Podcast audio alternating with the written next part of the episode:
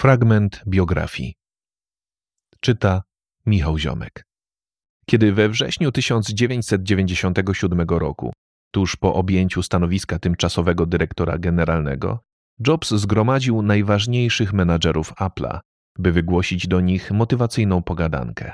Na widowni znalazł się między innymi wrażliwy i pełen pasji 30-letni Brytyjczyk, będący w Apple szefem zespołu odpowiedzialnego za wzornictwo.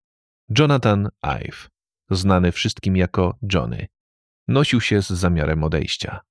Miał dość panującego w firmie nastawienia na maksymalizację zysku, zamiast na wzornictwo produktów. Przemowa Jobsa skłoniła go do ponownego przemyślenia decyzji o odejściu.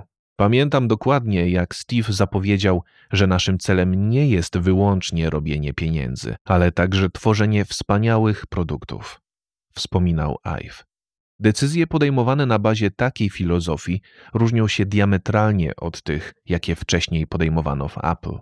Iwa i Jobsa połączyła wkrótce więź, której efektem była nie mająca sobie równych współpraca w dziedzinie wzornictwa przemysłowego.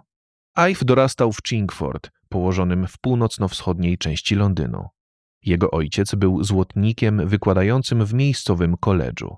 Był fantastycznym rzemieślnikiem, wspominał Ive.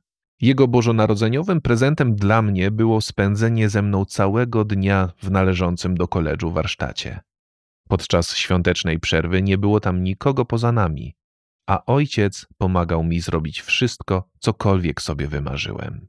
Jedynym warunkiem było, aby Johnny własnoręcznie narysował to, co planowali wykonać. Zawsze dostrzegałem piękno rzeczy robionych ręcznie. Uświadomiłem sobie, jak ważna jest dbałość o jak najdoskonalsze wykonanie.